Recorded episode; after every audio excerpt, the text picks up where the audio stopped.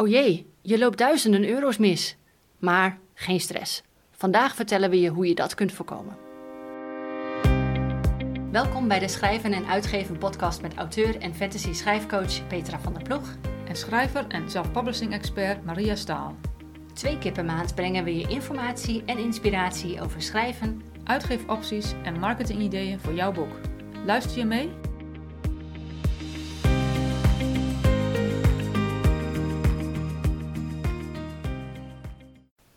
Hallo, ik ben Petra van der Ploeg en vandaag is het dinsdag 14 december 2021. Dit is aflevering nummer 9 van de podcast, waarin we het gaan hebben over intellectueel eigendom. Maria en ik praten in deze extra aflevering over de juridische kant van het schrijversproces. Dit is voor elke schrijver onmisbare kennis. Iemand die hiervan niet op de hoogte is, loopt namelijk de kans veel inkomsten te missen. Waarom is intellectueel eigendom belangrijk? Wat is het eigenlijk? En wat zijn concrete voorbeelden? Dat hoor je nu.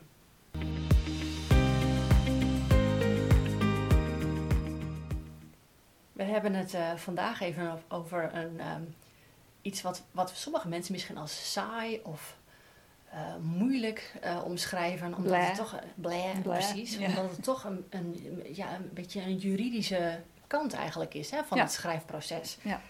Ehm, en dat is over intellectueel eigendom. Eh, in combinatie met contract, maar ook als self- self-pubber, Ja. eh, dat je daarmee te maken gaat krijgen. Iedere schrijver krijgt ermee te maken en zelfpappers ook. Ja, ja dus het is, eh, we gaan het ook vandaag aankaarten, dit onderwerp. Ehm, en daar hebben we een hele specifieke reden voor. Wil jij dat uitleggen, Maria? Ja, we hebben er een specifieke reden voor. Ik ben natuurlijk zelf, ik zit veel in de in Engelstalige eh uitgeefwereld. Dat hou ik allemaal een beetje in de gaten. En onder andere Joanna Penn is ehm, iemand die dus een podcast heeft vergelijkbaar met ons in het Engelstalig. En zij heeft het al een aantal maanden over ehm, ja, dat er door de pandemie eh, snelle veranderingen zijn gekomen in de uitgeefwereld. Hè. De, de, eh, abonnementslezen wordt eh, veel abonnementslezen en luisteren. Krijgt een enorme ehm, vlucht, digitaal, e-books. Dat is in Nederland hetzelfde. En er komen mogelijkheden voor uitgeven en het gebruik van verhalen, van je verhaal en je woorden, zeg maar. Eh, die, die een, een, jaar, zelfs een jaar geleden, anderhalf jaar geleden nog, echt, zoals je nou, dat ver weg is dan. Dat is over 30 jaar pas. Terwijl dat nu eigenlijk al gebeurt. Daarom heeft zij het heel erg over intellectueel eigendom, wat dat is. eh, dat het belangrijk is dat schrijvers weten waar het om gaat. Dat ze intellectueel eigendom voor zichzelf houden. Dat is waar zij het heel veel over heeft. Ik denk zelf dat eh, de Ne- Nederlandstalige schrijvers heel vaak nog niet daar echt over na hebben gedacht. Omdat dat gewoon iets is waar je niet echt over nadenkt. Je krijgt dat niet mee. Twee jaar geleden wist ik ook van niks hierover.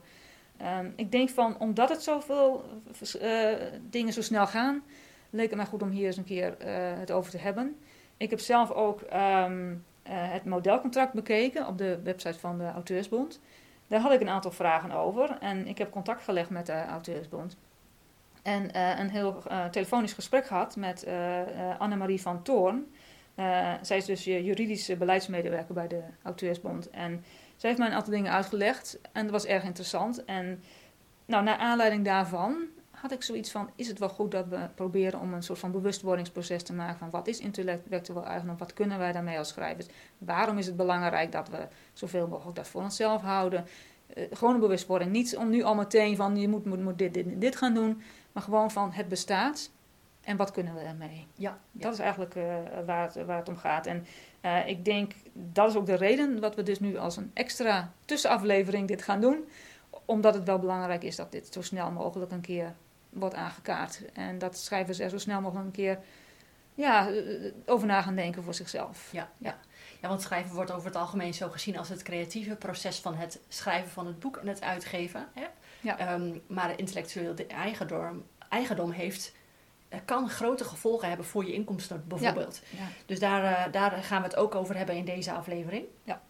Laten we beginnen met die eerste vraag. Wat is intellectueel eigendom eigenlijk? Ja, intellectueel eigendom, eh, dat is eigenlijk een hele saaie juridische term. Maar waar het eigenlijk om gaat, is dat het eh, omvat alles wat je schrijft. Dus op het moment dat jij een idee hebt in je hoofd en je zet het op papier, dan is dat jouw intellectueel eigendom. Die woorden, de tekst is van jou. En jij kunt, eh, jij kunt daar gebruik van maken. Jij kunt daarover beslissen hoe die woorden gebruikt gaan worden.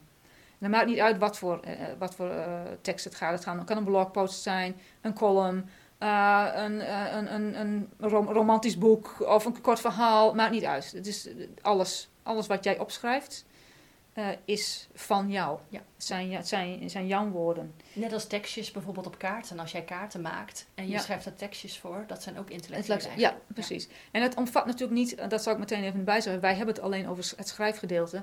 Maar het geldt ook bijvoorbeeld als je als schilder een mooi schilderij maakt. Of als kunstenaar een, uh, een beeldhouwwerk, whatever. Dan is dat ook, dat is ook intellectueel eigendom. Voor ons als schrijvers hebben we het over, het zit in je hoofd, je hebt het opgeschreven, dan is het van jou. Mm -hmm. Ja. Dus jij, jij moet ook beslissen wat, je, wat ermee gaat gebeuren. Dat is belangrijk. Het, is niet, het zijn jouw woorden. Jij hebt het opgeschreven, jij hebt het bedacht.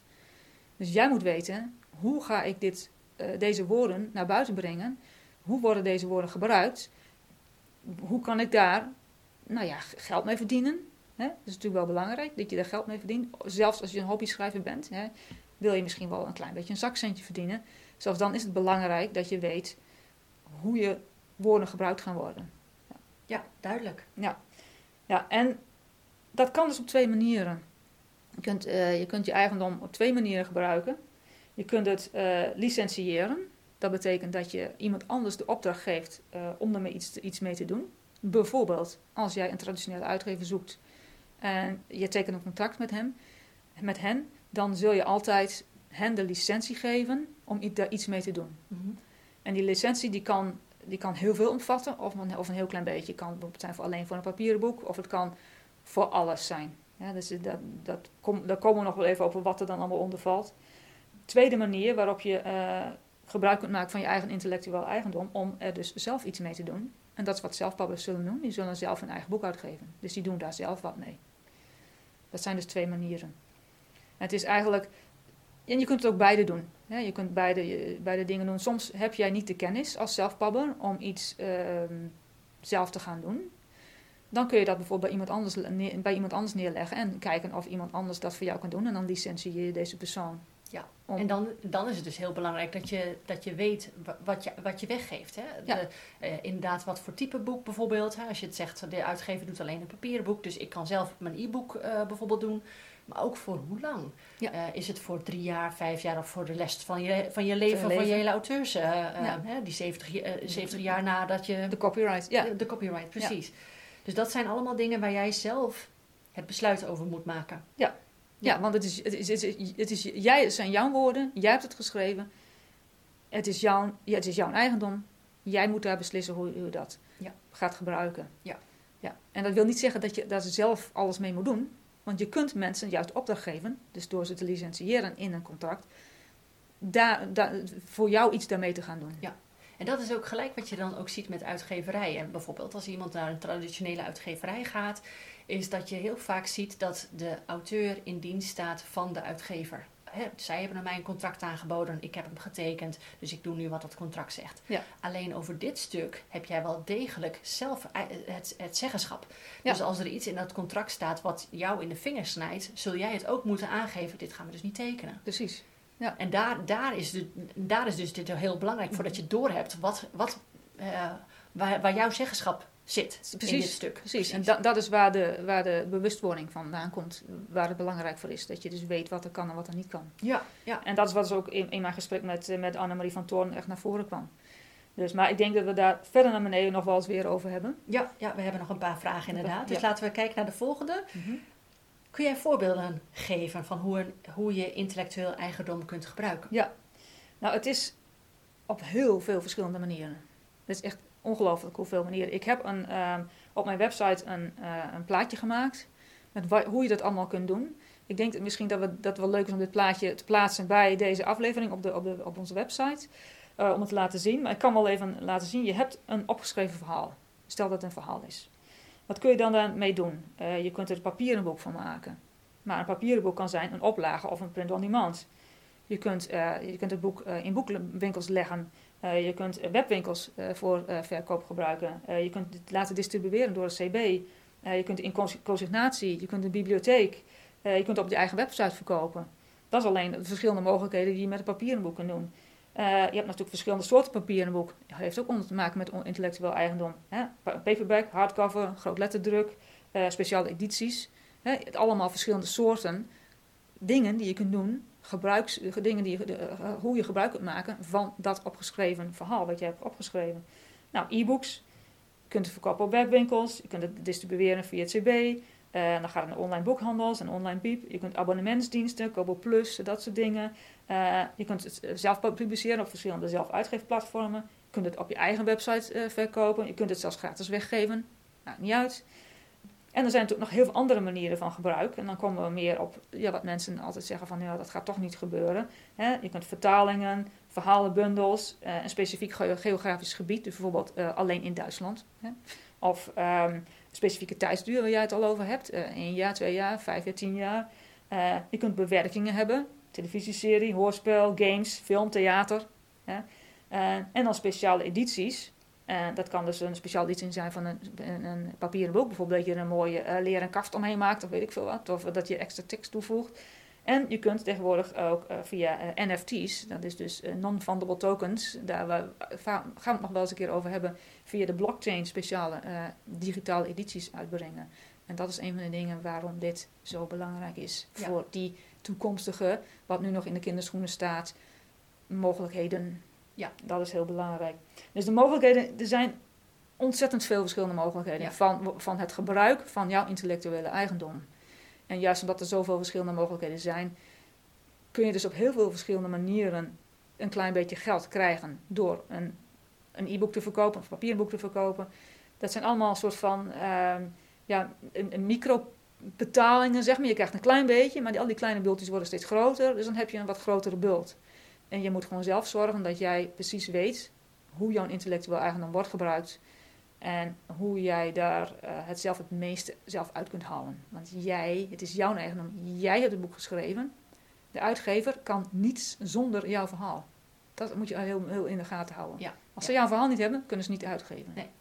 Nee, dat is dus ook precies wat, wat, wat je heel vaak ziet. Hè? Mensen gaan naar een uitgeverij uh, of sturen hun manuscript op. Uitgeverij zegt, ja, willen we uitgeven. Dit is het contract. En die wordt eigenlijk zo getekend zonder echt goed in te lezen wat het inhoudt. Ja.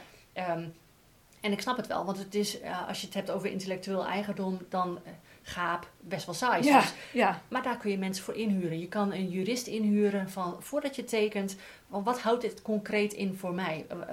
Waar ga ik mijn vingers snijden als ik dit contract teken? Ja. En juist op basis van al die mogelijkheden die jij net opnoemde, uh, en dat is alleen nog maar wat op dit moment kan. Ja. Wie weet wat er over tien jaar kan. Ja, of over vijf jaar zelfs. Ja, over precies. twee jaar. Ik bedoel, ja. En je wil voorkomen dat je op een gegeven moment op zo'n punt komt dat je iets hebt weggegeven. Uh, via licentie of via, nou ja, hoe dan via ook. Via licentie, ja. Uh, en dat je dan het geld naar die persoon ziet gaan in plaats van naar jezelf. Dat wil je verkopen. Of dat die persoon er niets mee doet. Hmm. Want dat is, nog, dat is wat het belangrijkste is. Een contract wordt vaak getekend. Een modelcontract staat een hele lijst van gebruik.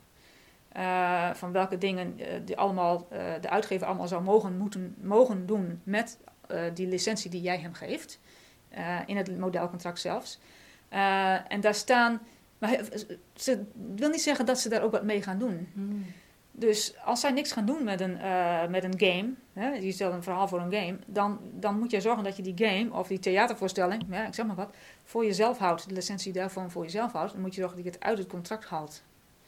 Ja, ja dus, dus als er zo'n zinnetje in staat van. Uh, um, uh, wat, wat, ja, had dat laatst zo mooi gezegd. Dat was zo'n zinnetje dat eigenlijk uh, zei van um, uh, alles wat, wat nu bestaat en wat nog gaat komen. Nog komen. Als, als toekomstige, toekomstige gebruikssoorten. Precies, ja. ja. En, en als jij, laten we zo'n game als voorbeeld houden. Ja. Hè? Jouw verhaal wordt op een gegeven moment, wordt, wordt mogelijk om jouw verhaal te gaan gebruiken voor een game dat staat niet letterlijk in het contract, maar er staat dan en alle toekomstige mogelijkheden. Ja. De, en zo'n uitgever zou dan besluiten van nee, games gaan we niet doen, daar zien wij geen profit in. Dan kan je heel wat inkomsten misgaan, dat, mislopen. Ja, omdat jouw uitgeverij, je hebt je uitgeverij gelicentieerd voor dat stuk. Ja. Alleen ze doen er niks ze mee. Doen er niks mee. Je handen zijn gebonden. Ja, dan zijn je handen gebonden. En daarom, die, dat zinnetje zou ik altijd weg ja. sowieso proberen weg te halen. Maak het concreet. Maak wat, concreet. Wat valt er precies wat valt onder? Precies onder? Ja. dat is een hele goede tip. Ja. Goed, waarom Ja, we hebben het eigenlijk al een beetje aangestipt. Maar waarom is intellectueel eigendom belangrijk? Ja, nou, het, wat ik zei, jij hebt het geschreven, het is van jou. Ehm, nee, jij, jij bent de regisseur van wat jij uh, hebt, wat, wat, wat jouw eigendom is, van wat de verschillende gebruiken. Omdat jij, jij hebt eigenlijk ook een schrijfbedrijf. Zelfs als het een hobby is, als je geld vraagt voor je boeken op bol.com, is het, uh, ben je bezig, heb je een schrijfbedrijf, hoe groot of klein dat ook is. Daarom is het belangrijk dat jij weet wat je ermee kan doen.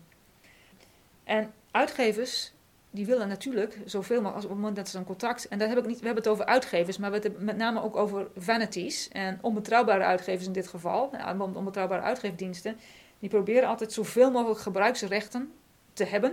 Ook al doen ze, gaan ze er niks mee doen. Ze hebben zoiets van, nou, voor het geval dat, hebben we het in elk geval op papier staan, dan kunnen we er iets mee doen als we dat zouden willen. Maar de kans is groot dat ze het niet doen, wat we al eerder zeiden. En dan kun je dus beter iemand anders gaan zoeken die dat wel voor jou kan doen, of je gaat het zelf doen. Mhm. Dus op die manier hou je de regie. Jij houdt de regie. En daarom, daarom is het zo belangrijk dat je weet, wat kan ik allemaal met het intellectuele eigendom? Wat is het allemaal? En hoe werkt het? En ik denk dat het ook belangrijk is uh, dat jij uh, gelijk aan het begin van je schrijfproces, of tenminste van je schrijf, uh, als je richting publicatie gaat, dat je weet dat je echt niet de keuze meteen voor alles hoeft te maken van wat ga ik licentiëren. Dat woord, ik blijf eroverheen staan. licentiëren. Um, maar dat je inderdaad duidelijk maakt van nou, ik heb een uitgever of ik heb een uitgeefdienst. Prima. Die doen alleen het papieren boek. Ik maak echt even daar het onderscheid. Ik, ik ga, voor de rest ga ik nog even nergens een besluit over maken. Want dat is allemaal nog voor mij. Eerst alleen het papieren boek. Dat je gewoon in kleine stapjes daarin gaat, uh, gaat doen. Precies, dat, dat zou het beste zijn als dat gebeurt. Het probleem is alleen dat heel veel uh, schrijvers dat niet doen. Want schrijvers hebben, uh, we hebben het al eens eerder over gehad volgens mij in een aflevering. Die Annemarie van Toorn van, van, van de Uitgeversbond, die, de Auteursbond, die noemde dat dus contractangst. Dat vond ik wel een mooie term. Hmm, wat houdt dat in? Ja, zij zei van nou, op het moment dat, dat, dat, dat een schrijver een contract krijgt, lezen ze al de eerste voorwaarden en, de, en ze denken de eerste pagina hebben ze al meteen van, van nou, daar ga ik niet verder lezen, want ik snap, ik snap er niks van, ik vind het eng, wat moet ik er allemaal mee? Laat maar, weet je, ik vertrouw ze, het komt wel goed. Nou, dat is dus fout, dat moet je dus nooit doen. Je moet altijd gewoon wel doorlezen. En precies wat jij zei in het begin, dan zorg je dat je iemand anders je daarbij gaat helpen, mhm. die je wel kan uitleggen wat er allemaal in staat. Want voor je het weet ga je dingen wegtekenen die je niet wil. En het tweede ding wat heel veel schrijvers, uh, waar het fout gaat, dat schrijvers willen graag uitgegeven worden. Ze zijn al heel blij dat ze een uitgever hebben, of dat nu een echte traditionele uitgever is of een vanity die zich voordoet als een uitgever. Ze zijn bang op het moment dat ze gaan onderhandelen over het contract, dat de uitgever zegt, uh, ik, ik stap hier uit, ik, ik wil niet meer met jou samenwerken, maar je bent aan het onderhandelen. Maar dat is dus juist niet wat, wat, wat, wat moet. Je moet juist onderhandelen. Ja, ja. Ik denk dat mensen zich gauw uit het veld laten slaan als ze nieuw in het proces komen. Want die denken, ja, een uitgeverij zit in dit wereldje, die snapt hoe dat werkt. Ik moet niet te moeilijk doen, want klaarblijkelijk hoort dat zo. Ja, ja. En dat, dat is dus niet waar. Dat is want niet waar. een contract is altijd onderhandelbaar. Ja. Dus hè, je, dat is dus het hele punt. En daarom, um, ik, ik, begrijp zelf ook wel als jij een contract leest en er, staan, er staat taal in wat je denkt, nou, ik heb geen idee wat hier staat. Het zal wel goed zijn. Um, ja, maar zorg gewoon dat je het in Jip en Janneke taal uitgelegd gaat krijgen. Precies. Dat je echt weet wat je tekent. Ja, de bewustwording van waar, dit, waar dit, deze aflevering over gaat. Weet wat intellectueel eigendom is. Weet wat daar uh, van belang is voor het contract. Zodat je weet dat je mag onderhandelen en moet onderhandelen zelfs mm -hmm. over het en heel veel uitgevers zullen, zullen proberen het meeste voor zichzelf eruit te slepen. En als een, als een schrijver niet gaat onderhandelen, denken ze van, nou, wrijven zich in de handen van, ach, die hebben we mooi. Niet, dat, niet, niet zo van, die hebben we te pakken, maar zo van, ach, weet je, we gaan het verder niet noemen, want, ach ja, ach, hij denkt er toch niet over, ja. weet je wel. Ja. Terwijl als je wel gewoon, dan ben je veel meer een, een gelijkwaardige businesspartner op het moment dat je wel gaat onderhandelen. Ja. Ja, en ik denk ook dat uh, een uitgever die verwacht ook dat jij als schrijver jou, in die zin jouw huiswerk hebt gedaan. Ja. Dat je weet wat je tekent. Ja. Hè? En, um, en dat is dus het, het, grote punt. Je zegt het heel goed. Het is, je, een uitgever is een samenwerking. Het is een samenwerking die je aangaat met een uitgever. Ja. Um, en jij bent de baas over je eigen verhaal. Precies. Jij bent de baas. Je hebt de uitgever ingehuurd om het verhaal te publiceren. Ja. Dus dat, mo dat mogen ook op jouw voorwaarden zijn. Ja. In ieder geval op het stuk van intellectueel eigendom. Precies, Dat sowieso, in ieder geval. sowieso, sowieso. Ja. Nou, heel duidelijk. Goed, nou en dan heb je altijd van die schrijvers die zoiets hebben van ja, maar weet je, in de toekomst ik denk niet dat ik iets ga doen met die gebruikersrechten. Wat, wat, dan kan ik ze toch beter bij een uitgeverij neerleggen. Die, die kunnen toch gewoon doen wat ze willen en het maakt mij helemaal niet uit. Ja, en vooral als het gaat ook om uh, dingen die nog niet bestaan. Hè? Hebben ze zoiets van, ja, maar dat is toekomstmuziek. Daar, uh, daar heb ik nu geen verstand van. Ja. En daar, dat gaat toch niet gebeuren. Weet of je? ik verdien er toch niks mee. Ik verdien er toch niks mee. Ja, precies. Nou, ik, mijn, mijn stelling is... je gaat gewoon... Je weet niet wat er gaat gebeuren. Mm -hmm. Je weet niet wat er in de toekomst gaat gebeuren. Dus zorg in elk geval dat je, dat je, dat je de rechten, zoveel mogelijk de rechten bij jezelf houdt. Want dan kun je altijd later nog wel eens een keer zeggen van nou oké, okay, ik, ik wil wel een game gaan doen. Maar deze uitgever doet er niks mee. Ik heb het uit de contract gehaald, prima. Ik kijk of die uitgever die ik nu heb, gaat, gaat die er iets mee doen? Nee, die gaat er niks mee doen. Ga ik een andere persoon zoeken die er wel wat mee kan doen. Zodat je, zelfs als je er zelf niks, niks mee zou gaan doen, mm-hmm. kun je wel altijd nog gaan zoeken naar iemand anders. En of je tekent alsnog een nieuw contract bij een uitgever waar je dat specifiek in laat zetten.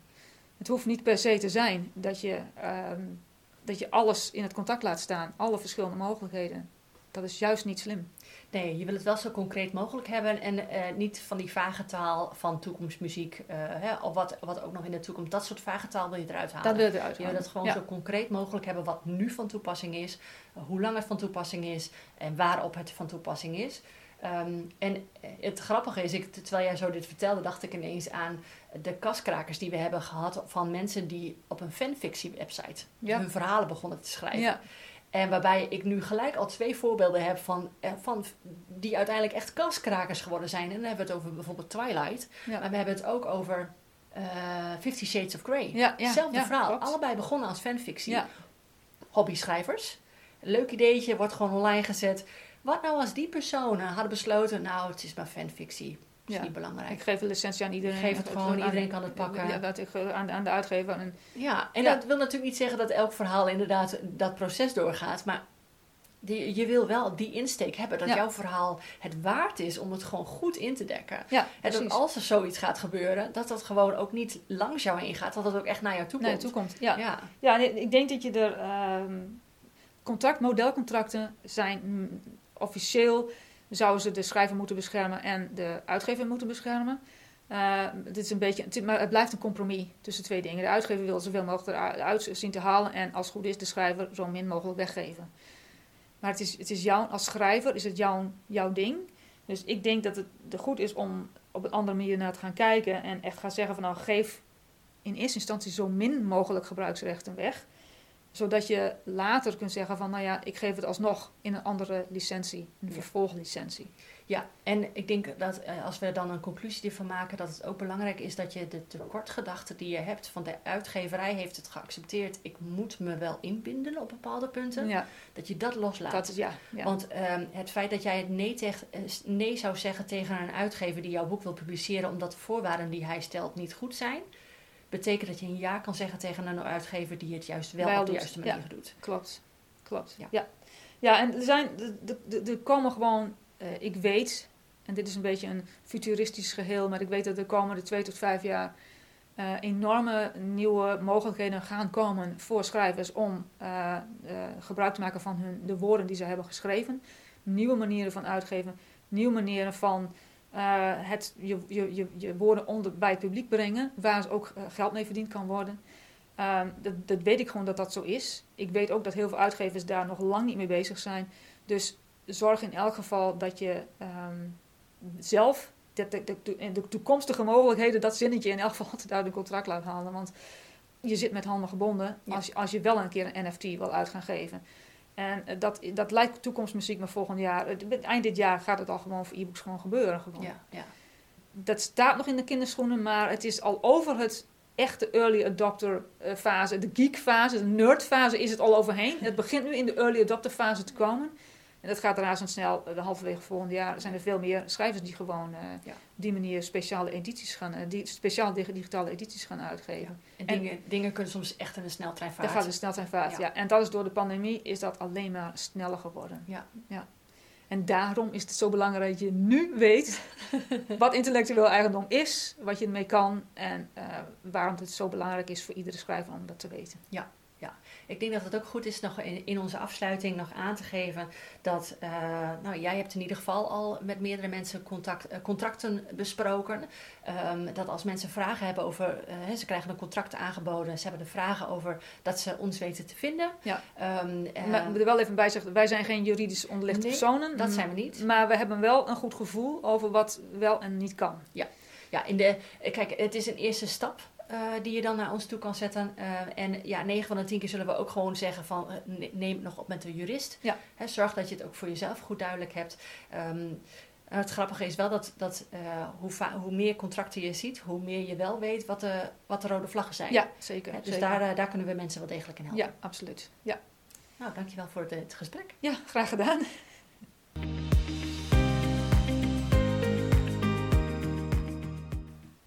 Jij bent de baas over wat er met je verhaal gebeurt.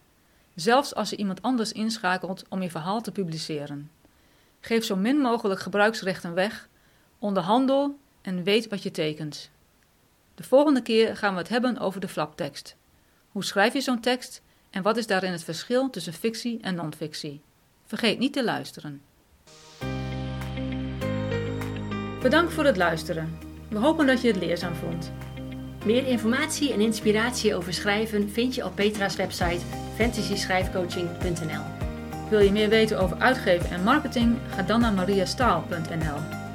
Op beide websites vind je ook de show notes en de links naar eerdere afleveringen. Heb je een idee voor een volgend onderwerp? Stuur ons dan een berichtje. Tot de volgende keer!